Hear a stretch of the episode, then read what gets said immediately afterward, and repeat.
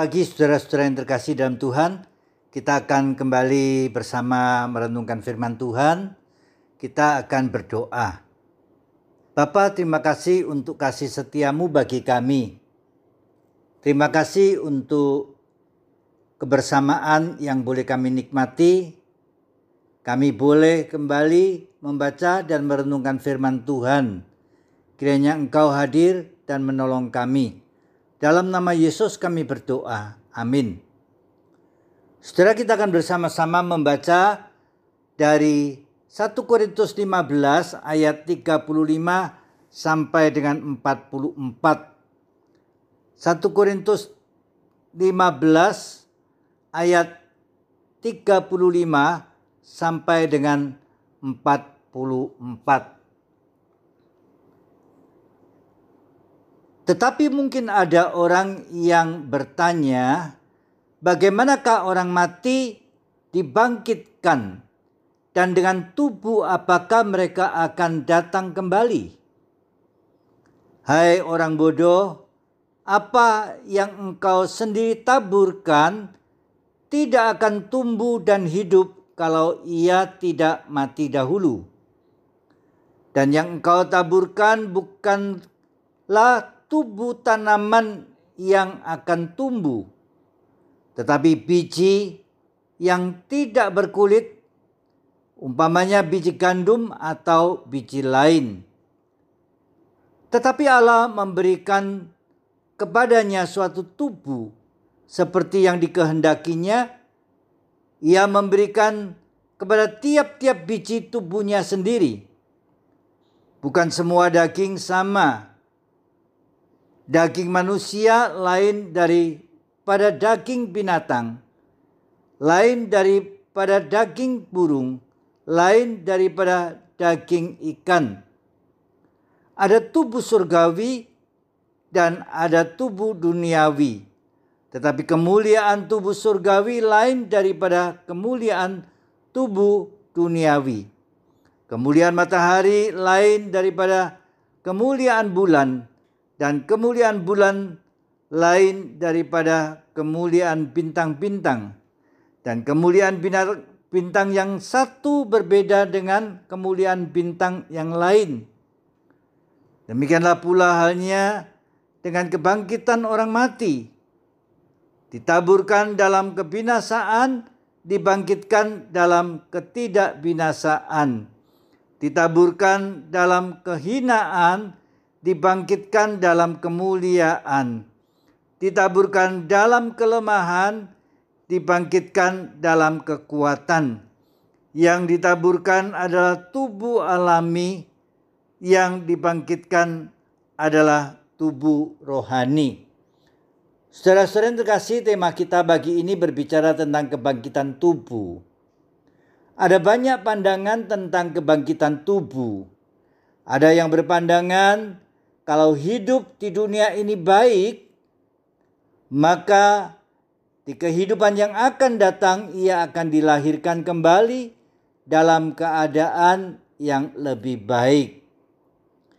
Tetapi kalau dalam kehidupan saat ini banyak berbuat jahat, maka di kehidupan mendatang akan dilahirkan sebagai makhluk hina.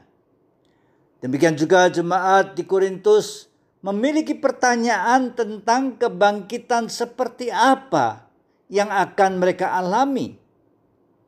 Sehingga Paulus menjawab pertanyaan mereka di ayat 35 dengan tubuh apakah mereka akan dibangkitkan kembali atau datang kembali. Paulus berbicara tentang hal-hal yang sulit dipahami oleh siapa pun. Namun ia berbicara fakta sekalipun tidak mudah dibuktikan. Karena hal itu adalah persoalan-persoalan iman. Yang pertama, kebangkitan tubuh yang berbeda dengan kondisi tubuh kita sekarang ini. Paulus menerangkan di ayat 37 bahwa kebangkitan itu digambarkan seperti biji yang ditanam, tapi yang tumbuh bukan biji melainkan tanaman. Bahkan Paulus mengatakan ada tubuh surgawi dan ada tubuh duniawi. Tetapi kemuliaan tubuh surgawi lain daripada kemuliaan tubuh duniawi. Hal ini menjelaskan bahwa tubuh kebangkitan berbeda dengan saat ini. Hal yang kedua, kebangkitan tubuh yang mulia. Di ayat 42 sampai dengan 44 Paulus berkata, tubuh sekarang dapat rusak, tetapi tubuh yang akan datang tidak dapat rusak. Perubahan itu dapat kita lihat. Kecantikan masa muda memudar. Kemuliaan manusia pun bisa memudar. Tanpa terasa seseorang menjadi tua dan pada saatnya meninggal. Tubuh ini hina, lemah, dan akan dibangkitkan dalam kemuliaan, dalam kekuatan, dan tidak akan berubah, apalagi rusak, karena sifatnya kekal. Hal yang ketiga, kebangkitan Kristus adalah jaminan kebangkitan kita. Hal ini yang penting atau terpenting karena ini menjadi dasar dari iman dan pengharapan kita kepada Yesus Kristus. Sehingga Paulus berkata, jika Kristus tidak dibangkitkan, sia-sialah pemberitaan kami dan sia-sialah juga kepercayaan kamu. Dan lebih daripada itu, kami berdusta terhadap Allah dan sia-sialah pengharapan kamu.